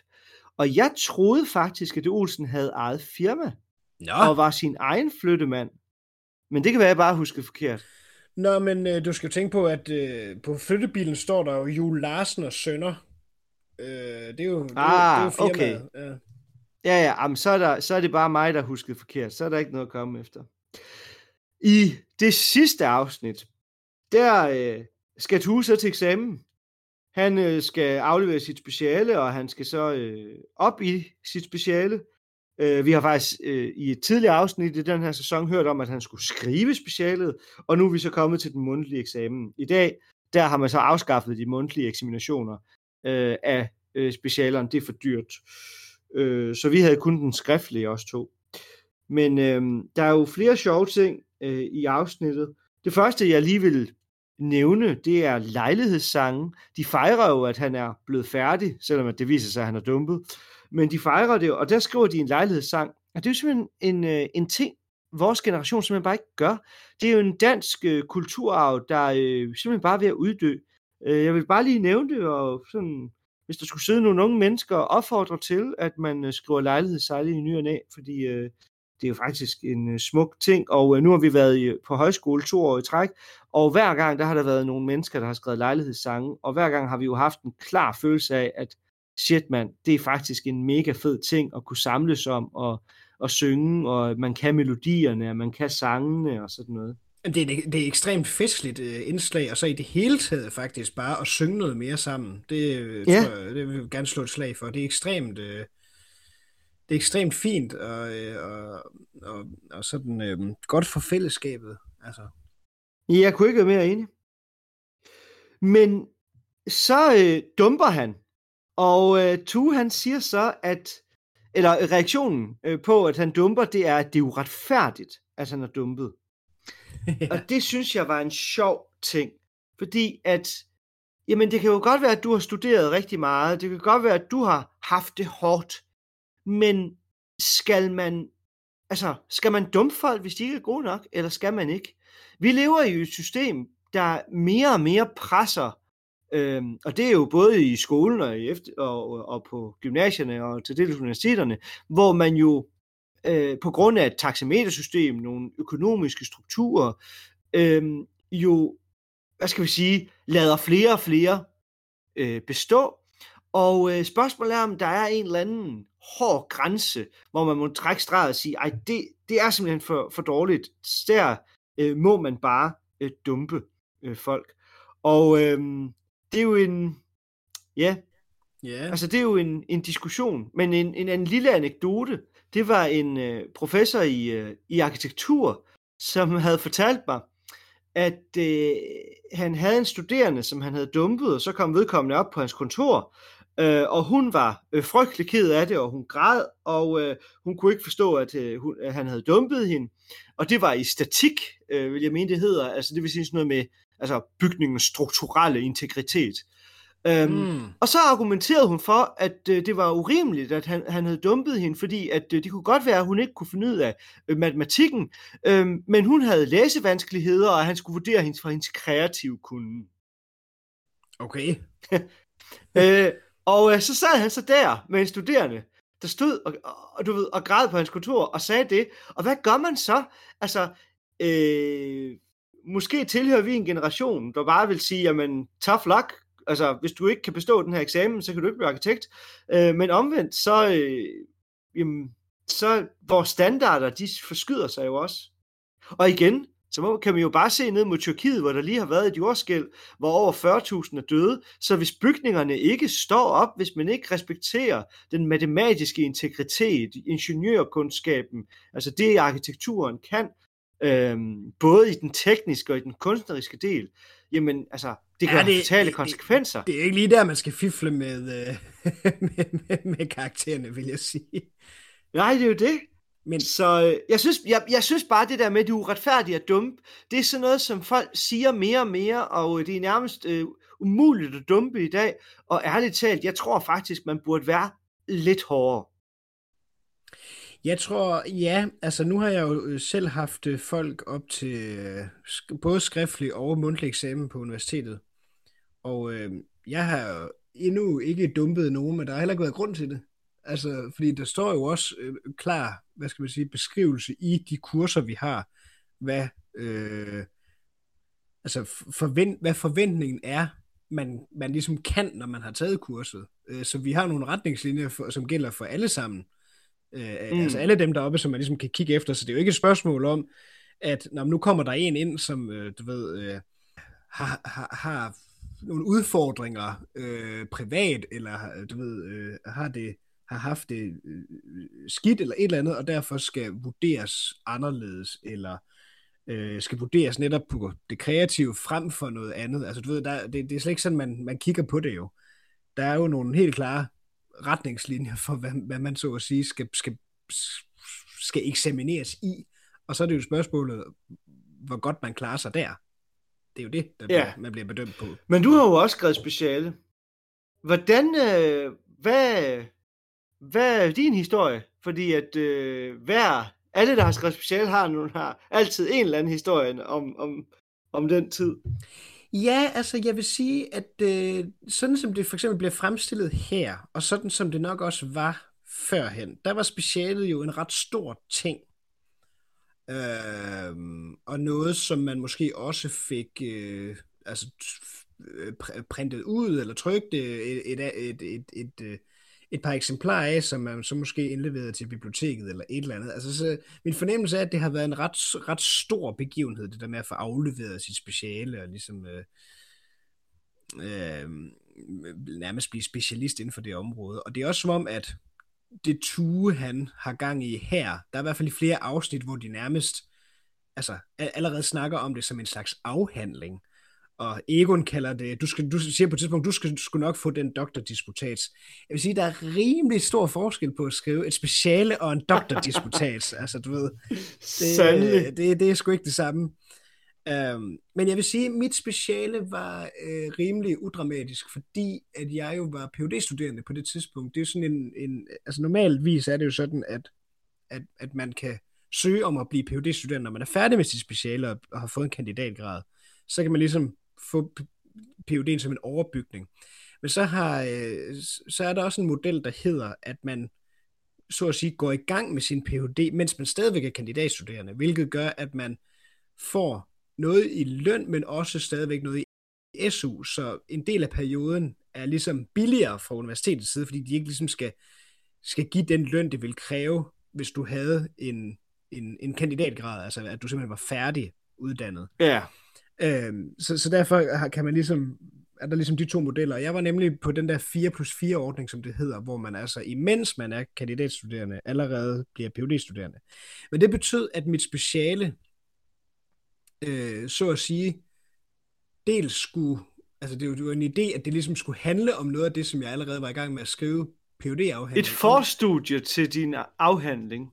Ja, men jeg måtte ikke genbruge det direkte, fordi så ville det jo være selvplagiering. Så det er sådan en underlig øvelse i at skrive noget, der sådan lidt havde med det at gøre, men som stadigvæk var tilpas, du ved, langt fra, så jeg ikke behøvede ligesom at, at, at skulle gøre øh, det helt store for, så bare at sidde og omskrive hvert et ord, så det passede ind i. Øh. Men, men altså, specialet skulle jo laves på fire måneder, og, øh, og det blev det. Og så øh, øh, kunne jeg koncentrere mig om arbejdet med afhandling bagefter. Så, øh, så jeg synes, det var rimelig udramatisk. Ja, men det er jo også fordi, du er så ung, så du er fra den reform, hvor I kun havde fire måneder. jeg var på en anden øh, studieordning, og så jeg havde seks måneder. Øh, men jeg tog faktisk, øh, jeg tror det var ni måneder om at skrive den. Jeg øh, udskød med, med tre måneder. Øhm, og det var fordi, at jeg først startede med at tænke, at jeg ville skrive om noget, og så sad jeg og læste og det, og læste og læste og læste. Og så da jeg havde siddet og læst det i et stykke tid, så fandt jeg ud af, at det var slet ikke det, som jeg skulle skrive om. Øhm, og så, øh, øh, hvad hedder det, skiftede jeg ligesom øh, spor. Men øh, jeg allierede mig med en, øh, en veninde, jeg boede på parkkollegerne på et tidspunkt, og hun boede også der. Og så hver eneste dag, så øh, stod vi simpelthen op, så vi kunne gå over i... Øh, i, øh, på biblioteket, statsbiblioteket, ja. som i dag hedder det kongelige bibliotek, øh, oppe i Uniparken. Og øh, så, kunne vi, så gik vi ind, tog en plads, så gik vi tilbage på kollegiet, så spiste vi morgenmad, og så gik vi tilbage, så vi var der klokken halv ni, og så startede vi arbejdet klokken 9, og så øh, holdt vi kaffepause, og så på et tidspunkt nok øh, sådan ved tidtiden, så spiste vi frokost lidt over 12, og så kaffe igen klokken 3, og så tog vi hjem klokken 4.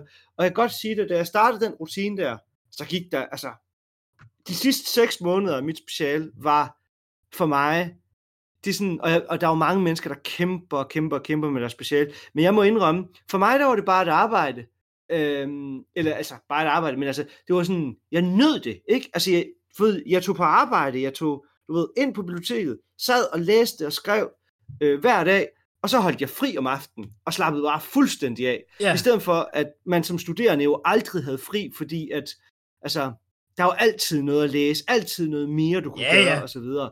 Men med specielt der, der oplevede jeg, oh, ja, du ved, jeg har en hverdag, du ved, jeg møder klokken 8, jeg går hjem klokken øh, halv fem, og øh, øh, altså, ja. og det er det. Ja. det, det, det, det er det, jeg plejer at sige, livet er bogstaveligt talt for kort til filosofi, fordi man kan simpelthen ikke nå det.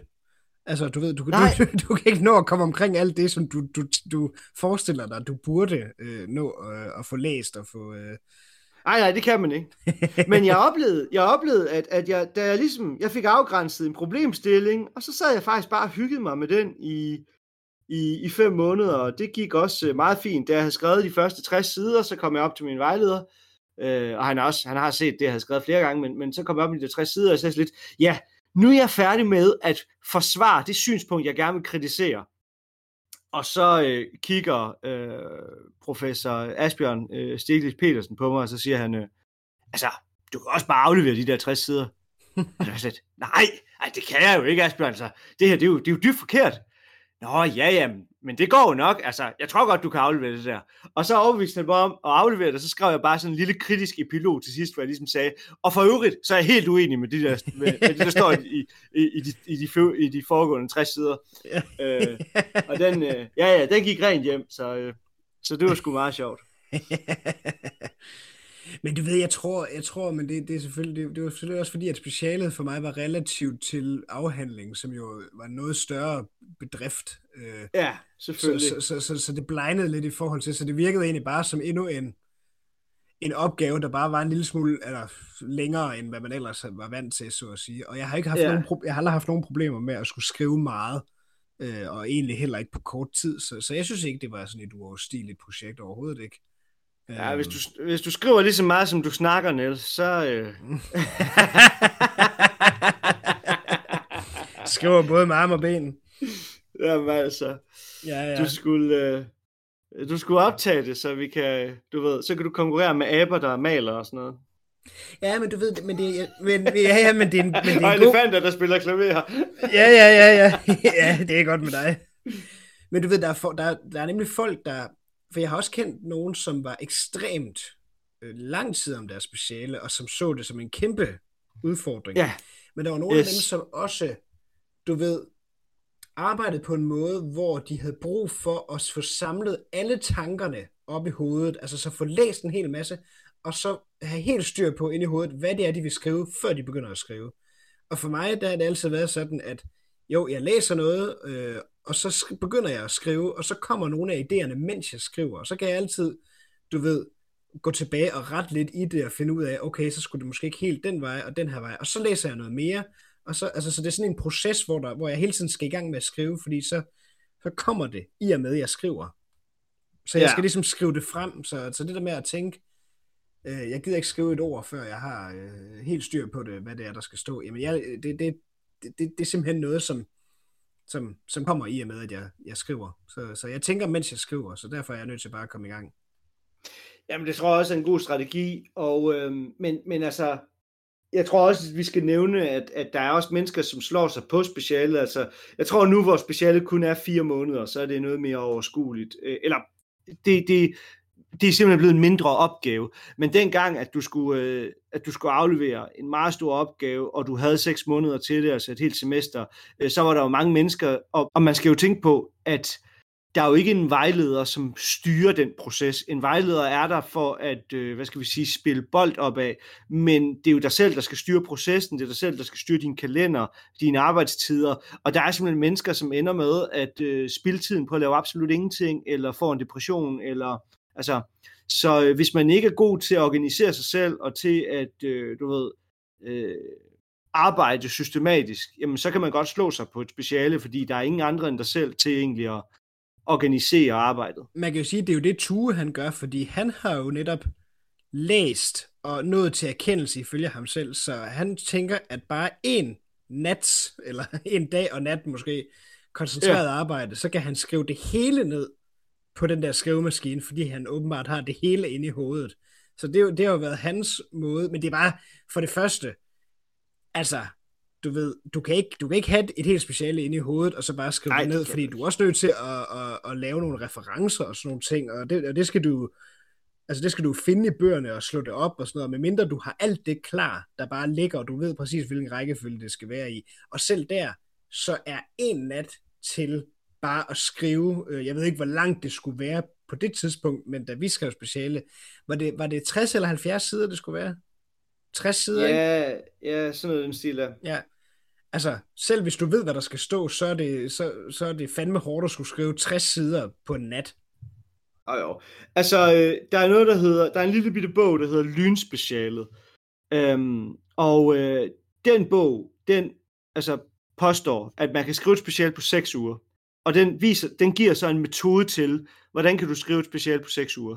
Øh, og det, er en, det var en, jeg kan ikke lige helt huske historien, men det er noget med en kvinde, der havde børn, og hun havde arbejdet, hun var rigtig travlt. Øh, så hun blev simpelthen bare nødt til at finde en måde at skrive det der special på så hurtigt som muligt, i de få tidspunkter, hun egentlig havde tid. Øhm, og det tog hende 6 uger. Så, så, øh, altså, så det der med at skrive et special på en nat, det kan man ikke. Du kan måske skrive en opgave på 10 sider eller 15 Ja, ja. øh, på en nat. Det kender jeg. Men du kan ikke skrive... Men du, ja, Det, kan, det, kan, det kender jeg folk, der har gjort.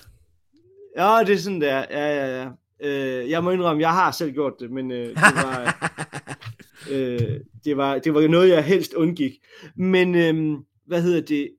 Men altså, det er nok det, man skal tænke, at det tager det minimum. Altså 6, 6 uger minimum, og så er man, altså, så er man en ret dygtig øh, studerende. Ikke nødvendigvis fagligt, øh, men, men en dygtig, altså igen, det er det der med, kan du organisere arbejdet? Ja, ja, Det er det, der er ja. afgørende. Præcis, Ikke? præcis. Men det er også lidt sjovt, fordi i det her afsnit, det sidste afsnit her, der får vi jo også, øh, hvad skal man sige, et, et syn på sådan, du ved, det er altså ak- akademia, som vi vil kalde det, eller akademiet eller universitetsverden, fordi øh, vi får at vide, at Olsen øh, har flyttet for en professor i persisk, øh, har flyttet 4.000 bøger, og, øh, og der, dertil der spørger han jo så, hvor mange læser persisk, og det er der simpelthen to, der gør, og det har man så en professor og en undervisningsassistent ansat til at varetage, som hver får 100.000 om året, øh, og og det er på det her tidspunkt i 70'erne, ikke? Og øh, som han siger, Tue læser psykologi, men han kan sgu ikke få noget job, når han er færdig. Så der er jo et, et problem der i forhold til, hvor mange man uddanner, hvor mange der er job til og så videre. Men noget jeg bemærker, det er jo, at Larsen har et helt andet syn på lige præcis den der. Og det er jo, at han siger, at han er faktisk stolt af at bo i et land som Danmark, hvor vi har råd til og tillader os netop at have en professor i persisk. Øh, og det er som om, at den, øh, den bemærkning på en eller anden måde får Olsen til at vende lidt på en tallerken, fordi da de sidder der og skal hylde Tue, så er det som om, at fra at han bare var en, øh, du ved, en, en mand med en høj uddannelse, som man bestemt ikke kunne servere dansk mad for, fordi at fru Clausen ville lave tornado de læse og crepe Suzette med solbærrom til ham, hvilket Olsen synes, han er værd pjat, så, øh, så, så bliver han pludselig et symbol på de muligheder, ungdommen har i dag, og som de ikke havde, da Olsen var ung, men som de måske gerne ville have haft. Fordi Mm. han jo netop taler om så, at Clausen måske i virkeligheden kunne have været blevet professor i zoologi, og Egon kunne være blevet civilingeniør, og Larsen kunne være blevet sagfører. Og, øh, og Maja, ja, han ville gerne have været kordejen, hvilket Olsen så knytter kommentaren, hvor her bevares til. og han ville gerne så, så have været filmskuespiller. Så det, du ved, det er sådan lidt en, øh, det er sådan et sjovt tema, det der. Jamen, så tror jeg, vi er nået ved vejs ende. Nu synes jeg også, vi er kommet vidt omkring i øh, de forskellige afsnit i denne sæson, femte sæson. Så øh, vi vil bare sige øh, tak til lytterne. Tak fordi I lyttede med. Og vi lyttes ved. Du har lyttet til Matador Mix, eller rettere Remix. Du, Rikke, lyder dette her ikke klart og koncist? Anskuer vi dette skisme ud fra sensibilitetsanalytiske kriterier, når vi frem til et generelt adfærdsmønster, som entydigt kan benævnes konfliktpsykosen.